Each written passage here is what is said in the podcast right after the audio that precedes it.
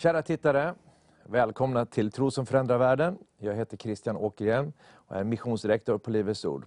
Och idag har jag två gäster som bor ute på missionsfältet, Daniel och Evelina. Välkomna. Det ska bli jätteroligt att prata med er idag. Vilka är ni? Du kan börja Daniel. Jo, eh, jag kommer från Tyskland ursprungligen. Kom till Sverige 2013 för att gå på bibelskolan här i Sverige. Och eh, upptäckt missionskallelsen och eh, hittade en svensk kvinna. Mm. och eh, ja, så flyttade vi ut på fältet. Ja. Vi brukar skoja att eh, jag köpte en enkel biljett till henne på vår eh, sju månaders dag då. Bröllopsdag, ja. Ja. Exakt. Ja, Och precis. du då, Evelina? Eh, jag är uppvuxen här i Sverige. Eh, jag har gått på Livets Ord ganska länge. Jag har utbildat mig till ja, en master i internationell hälsa och har velat jobba med humanitärt arbete och så vidare. Så att, eh, då bestämde vi oss för att flytta ut efter vi gifte oss. Mm. Det är en gedigen förberedelse för att arbeta socialt Ja. på ett sånt här utsatt fält, ut, utsatt fält som Irak är. Ja men precis, man märker ju det att ens undervisning och sånt man jobbar med är ju kanske på en lite lägre nivå än vad man faktiskt har, eh, vad man kan. Men det är, det är jätte, jätteintressant ändå. Ja, och, eh, men eh, någonstans så föddes ju drömmen om att faktiskt åka ut på det här sättet. Alltså hur, hur har det gått till? Jag har lite olika berättelser kanske. Mm. Eh, för mig var det så att eh, när jag var barn så eh, kollade jag på en film eh, från Mellanöstern och eh, sa till mig själv efter den att först måste jag gifta mig och sen ska jag ut som missionär på, eh, till Mellanöstern. Och sen glömde jag bort det. Och sen så var det en process där han kanske gick igenom lite mer. Men efter beslutet hade tagits, då påminde Gud mig om den eh, om det som jag hade sagt. Och då hade vi ju precis gift oss en månad innan och precis sagt ja till det här. Då. Eh, så det var lite min, min historia. Sen har du en liten annan. Mm.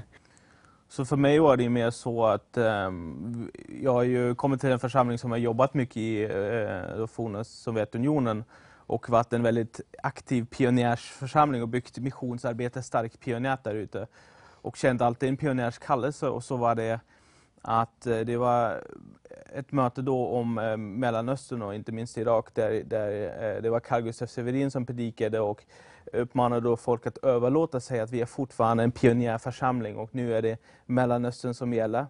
Och eh, så överlät jag mitt hjärta då till det i mötet och sa ja, här är, här är jag, sänd mig. Och visste inte vad det skulle betyda. Och så kom det i samma möte, bara några minuter senare, kom det en kvinna till mig som började profetera om eh, missionsarbete i Irak. Och eh, hon hade ju inte träffat mig förr. Eller, jag visste inte vem hon var. Och så får jag ett samtal från missionskontoret dagen efter. Där eh, jag blev frågad om jag vill följa med på en resa till Irak. Och eh, de hade ju aldrig vetat vad jag var med, varit med om på söndagen innan.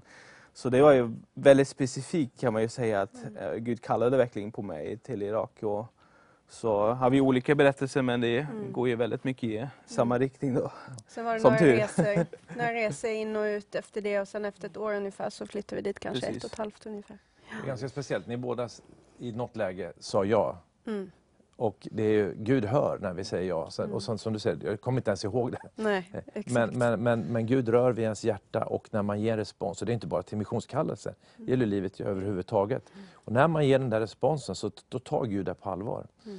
Och sen är det så fascinerande, här gick det ju väldigt fort för dig då, att, att du sa här är jag. Sen så, Gud, be- Gud bekräftar och sen nästa dag så öppnas dörren för dig och tar nästa steg. Då.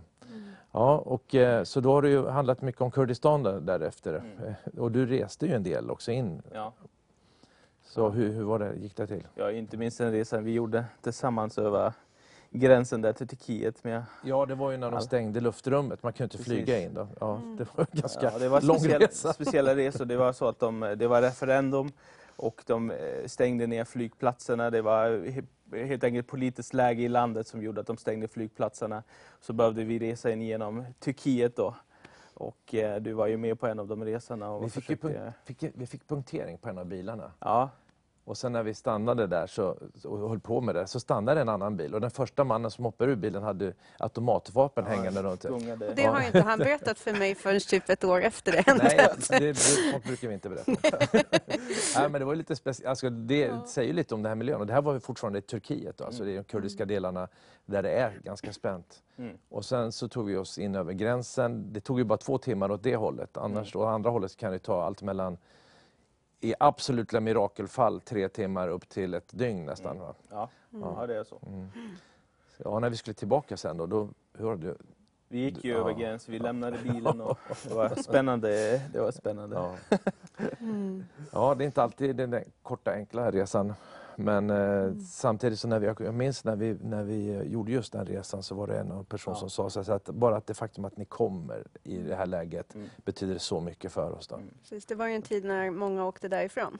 Just det. Eh, och det var då vi började komma in. Ja, han sa väl det, att ni kommer i en sån situation, det är er första predikan. Mm. Precis. Just det. Det var starkt. Mm. Jaha, hur är, det- men nu har ni flyttat dit, säger så Ni har ju bott där i ett och ett halvt år. Mm. Eh, hur är det att bo där? Det är ju klart, det är ju inte Sverige. Alltså det är ju, och det är, en ganska, det är Mellanöstern, det är, alltså, det är en annan världsdel. Det är en Mm. väldigt annorlunda kultur. Hur är det att bo där? Eh, ja, det är ju ganska annorlunda. Eh, jag som kvinna får väl anpassa mig lite mer än vad Daniel har Mm. behövt också. Eh, jag behöver inte gå med slöja och så. Många kan tro att jag behöver det. Men jag behöver fortfarande täcka mig på ett annat sätt med kläder och lösa kläder och så vidare. Eh, jag kan ändå köra bil, det är inga Mm. problem. Jag skulle nog inte åka själv till en annan stad. Där är det lite, det har jag aldrig gjort. Eh, så att man behöver tänka till lite på sådana saker. Lite med vem man pratar med, vem kan man inte prata med. Eh, man delar upp sig ganska ofta också i ett hem. Eh, så jag får sitta med kvinnorna och de pratar oftast inte engelska så då sitter man där tyst och så hör man Daniel få prata då med männen som kanske är lite bättre på engelska och sådana saker. Men eh, det är jättetrevligt ändå.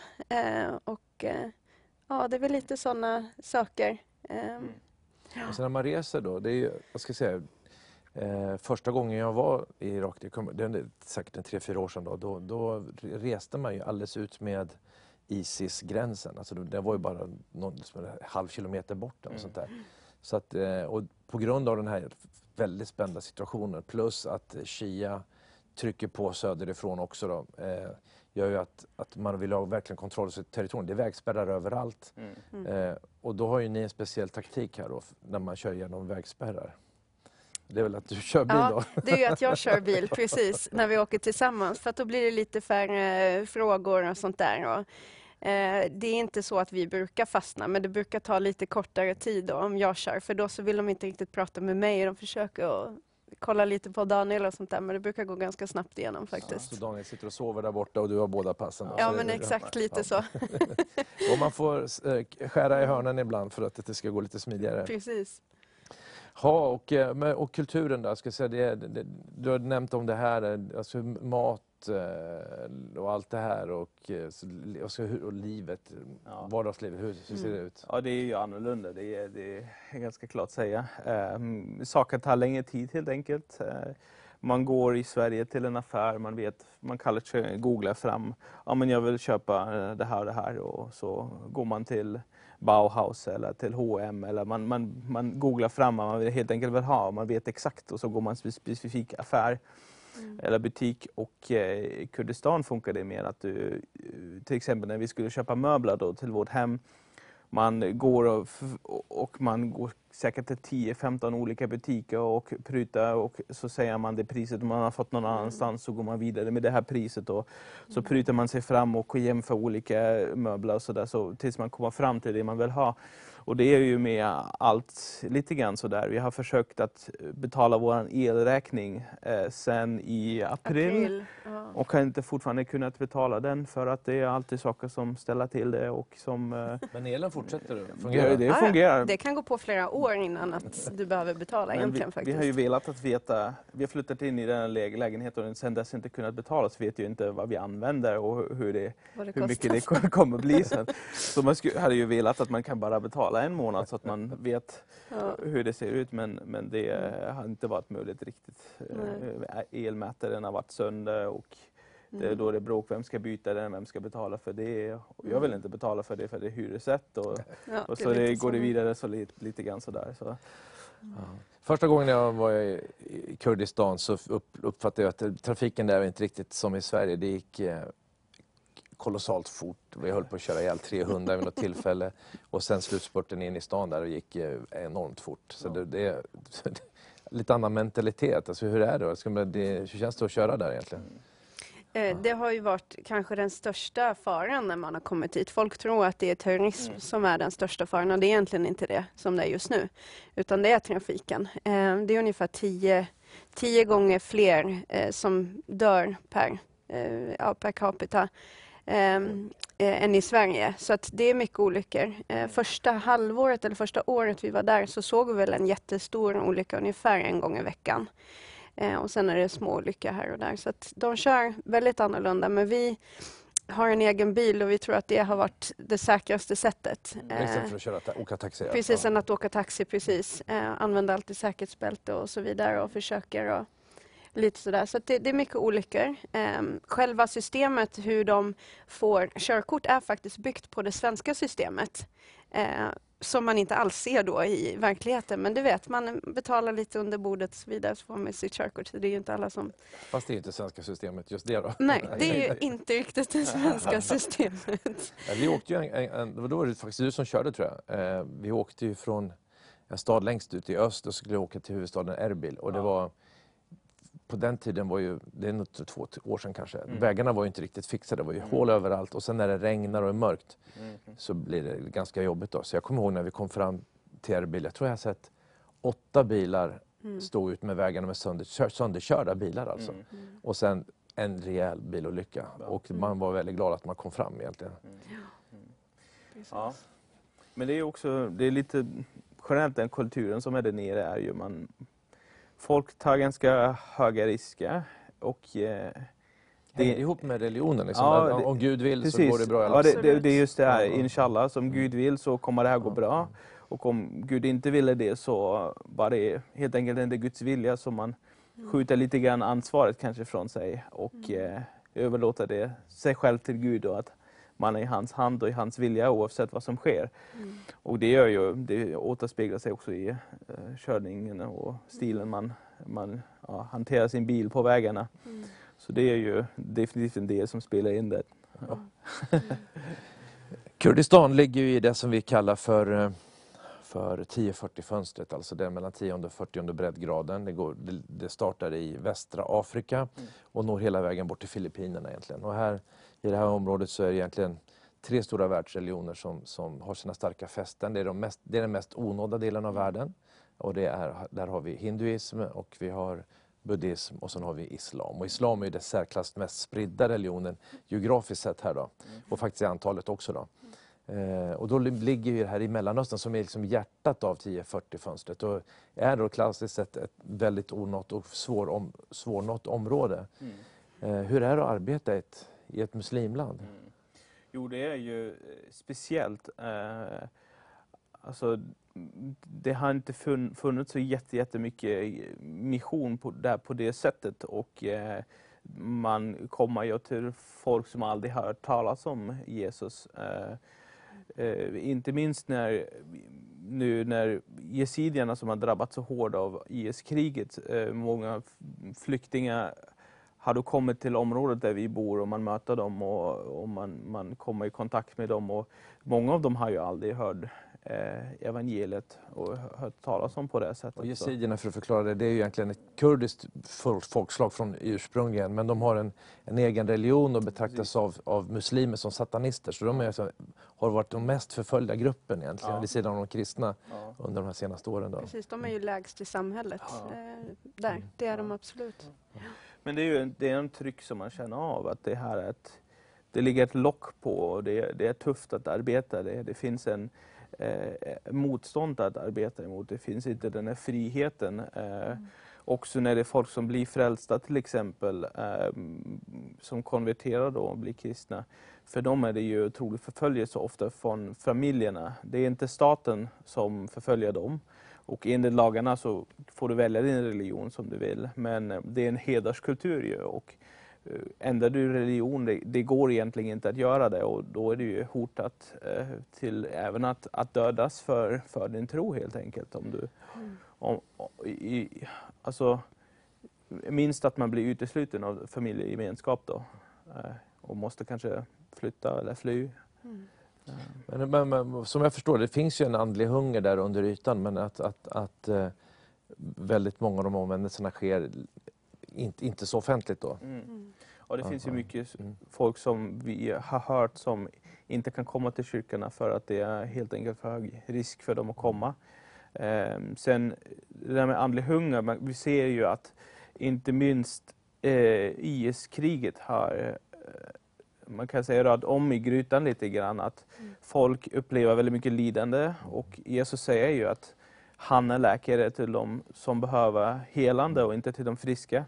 Och nu när det är väldigt mycket folk som, som har drabbats väldigt hårt, som har drabbats ekonomiskt eller familjemedlemmar som har dött eller står i kris på det ena eller andra sätt så, så söker man ju helt enkelt efter vem kan hjälpa mig och, eh, och, och då kommer det ju också upp att Jesus kan faktiskt hjälpa mig och han kan rädda mitt liv. Och eh, då, då är det folk som, som väljer den vägen också.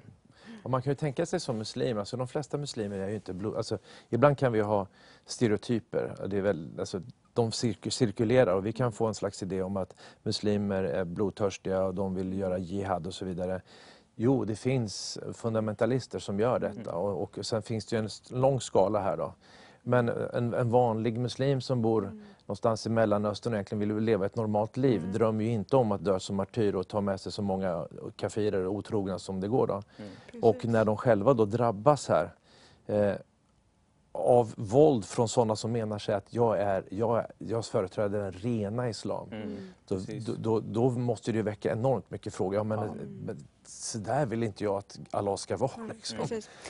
Exakt, vi har ju ja. hört lite om eh, förra Ramadan nu, eh, så har vi hört eh, att i Mosul så är det ju fler och fler restauranger som öppnas upp under Ramadan. Då ska du egentligen inte ha dem öppna för att du ska inte äta under dagen. Så att det är ju fler som gör motstånd mot det för att mm. de är trötta på... Det luckras upp? Eh, det luckras upp mm. liksom, så att det, det ser vi definitivt. Mm. Ja. Hur är det då att möta den här nöden, alltså när man, man, man träffar eh, föräldralösa, mm. de har mist sina anhöriga kanske i IS-kriget. Mm. Jag kommer jag pratade med en yazidisk pojke för en tid sedan och han, han var 14 år när IS kom till hans by. Mm. Uh, jag tror ni känner honom också. Mm. och han som 14-åring ligger där och, i eldstrid och, och mm. försvarar sin familj medan de ska fly upp på det här berget Sinjar. Mm. Och sen så lyckas han ta sig iväg. Alltså tänk en 14-åring som ska behöva vara i krig. Hur, hur, är de här människorna som har gått igenom det här? De blir ju väldigt påverkade. Ehm, jag har, eh, vi har hört om en historia till exempel om ett barn som blev tagen eh, av IS ganska tidigt i sitt liv och var, var där kanske en fyra år ungefär och blev eh, fri nu ett år sedan. Och ehm, då känner vi en person som skulle hjälpa honom att köpa lite kläder och så fort han kom till shoppingcentret så han har ju blivit hjärntvättad under sin tid eh, i IS-läger. Eh, och då enda han tänker på att åh, här kunde man göra ett självmordsbombning eh, för att tänk vad mycket folk som är här och så vidare. Så att de har ju, och det här var en yazidier, så han tänker ju inte på sånt annars. Så att han har ju blivit helt... Och hur helt, gammal var han då? Jag vet inte exakt, men jag gissar han var runt nio år. Eh, någonting sånt där. Så han togs väl kanske när han var fyra, fem, ungefär. Mm. Eh, så de har ju påverkats väldigt mycket och man hör ju inte så mycket om yazidierna i eh, nyheterna så mycket som förut. Men de bor ju kvar i sina tält, de bor kvar i sina läger. De vågar inte åka tillbaka till Sinjar där de egentligen vill åka tillbaka till. Eh, eh, så att de bor i väldigt, väldigt svåra omständigheter. Eh, och ehm, får inte alltid komma in i skolor och så vidare. Så att de, de lider enormt mycket fortfarande. Ja. Ni, ni eh, arbetar ju ganska mycket socialt. Eh, matdistributioner, du undervisar i hälsovård. Mm. Kan ni säga någonting om det? Mm. Eh, jag har haft vissa klasser, då, yazidiska, både barn och vuxna kvinnor eh, undervisa om hälsa. Eh, och det har varit väldigt, eh, väldigt grundläggande egentligen. Och då börjar jag oftast mina lektioner med att fråga då, hur mycket kan ni? Vet ni om att vi har organ och sånt där? Och då är det kanske bara en person som vet det. Mm. Så de har ju bott väldigt isolerat eh, vid Sinjar eh, innan IS kom och nu har det luckrats upp. De bor i flyktinglägren, det är med organisationer som kommer ut till dem och så får de lite undervisning. Eh, så att, eh, det har varit jätteintressant. Ehm, och förklara för dem. Och oftast förstår de ändå, de kan ändå koppla det här med organ efter en stund för vad det är för någonting för att de känner igen det från djuren, för de äter djurens organ. Då är det så här, jaha lungor, ja men det är jättegott liksom. Så förstår de lite vad det är. Eh, men det har varit jätte, jätteintressant och vi har ju också gjort matdistributioner bland annat till en del av mina elever. Eh, Men när det gäller det här med organen, det låter ju som, de har ju knappt gått första klass egentligen Ja, då. precis. Det, det är ju lite blandat, men många har ju inte det. Eh, och det här var vuxna kvinnor specifikt som jag tänkte på. Eh, deras barn kan oftast lite mer faktiskt. Eh, De har ju lärt sig kanske mer nu precis. under de här åren i flyktingläget och med Mm. en utbildning som kanske organisationer ställer upp med än vad Mm. de vuxna har lärt sig under hela livet och boende i Sinjar. Delvis då. Mm. Kan inte tala för alla såklart där. Nej, precis. Men för att överleva i ett yazidiskt samhälle så behöver man egentligen inte veta så mycket utan det, det är Nej. väldigt enkla arbeten Mm. och eh, för kvinnorna handlar det egentligen om att vara- i familjerna. Mm. Ta hand om barnen Ja. och lite självförsörjande jordbruk och sånt. Men det måste ju då bli ett, ett, alltså, upp, nya öppnade ögon och in, nya intryck för dem. Mm. Det är jätteintressanta ja, ja. frågor man får från dem. Mm. Ehm, eh, det finns en... Jag har märkt ibland vissa yazidier att de tror att om du är gravid och föder när du är i vecka eller i månad sju så överlever barnet men om du går till månad åtta så dör barnet. Och det, tror, det har varit flera stycken som tror det. Eh, för att det är någon doktor som har sagt det till dem. Och det är lite sådana saker, man, lite myter och sånt som man kan slå hål på. Ehm, så att de inte behöver gå oroliga då bara för att det ska hända något i månad åtta eller sådär utan att det faktiskt är tvärt- tvärtom. Så det är väldigt intressanta frågor man får eh, Jag faktiskt. förstår det. Mm. Jag ska säga, ibland så kan man ju som, så, som kristna så kan man ibland höra att ja, men vi, ska inte, vi ska bara predika evangeliet, vi ska inte Mm. eh, arbeta socialt. Mm. Men ska säga, eh, missionärer har ju alla tider alltså, arbetat socialt och det finns ju, Mm. eh, Jesus talar ju om den barmhärtige samariten som, som ett föredöme. Mm. Han eh, bad inte en trosbön för den här lidande mannen Mm. utan han tog hand om honom. Mm. Och, och så, att, så att humanitärt arbete i, i ett större missionskoncept är ju en del av det är så att säga, Guds, Guds kärleks utsträckta hand rent praktiskt. Mm. Och sen i de sådana här samhällen då där, där eh, det finns mycket social misär, Mm. brist på utbildning och så vidare. Där, sådana har vi också sett genom århundraden hur kristna missionärer faktiskt är med och lyfter de här samhällena. Så det är ju väldigt viktiga Precis. insatser. Ja, Mm. precis. Mm. Eh, matdistributionen håller ni på med också? Mm. Vi har fått en eh, donation av eh, Feeding the Nations i- i Finland då. Eller två, två donationer då och, som vi kunde använda då för att göra eh, matdistributioner. Och det har vi Mm. väl gjort tillsammans Mm. eh, och gått ut och delat ut mat. Mm. Eh, Precis, vi har fått hjälp lite av en, vår tolk. Att, eh, de har gjort lite hembesök och sett att det verkligen är de som bor utanför lägren. Det finns ju läger där de kan få en viss del mat men sådana som bor i tält utanför får inte så mycket hjälp. Eh, Så där har vi varit och gett ut och eh, vet speciellt det första, första gången vi gjorde det eh, berörde mig väldigt mycket. Det var två kvinnor som vi kom till och de hade ju säkert fler folk där också. Regna in i deras tält, så lerigt utanför. Vi fick ju verkligen tvätta våra skor så mycket efter det besöket och där bor de. Och de hade ingen mat så vi gav dem mat för en månad ungefär.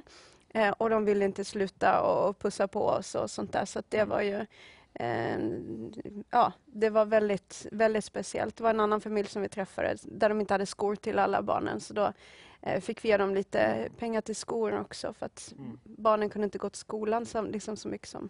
ja, det var en ville- familj, de delade på Ja. eh, sk- skor då.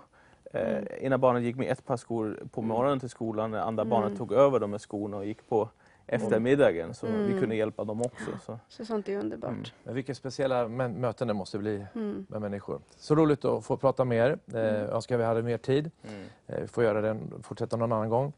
Det är väldigt roligt att få tala med missionärer som, som flyttar ut till, till sådana här områden där det inte är enkelt, det inte är lätt, men det är, känns väldigt, väldigt meningsfullt därför att man får göra någonting verkligt som konkret betyder någonting för människor i nöd.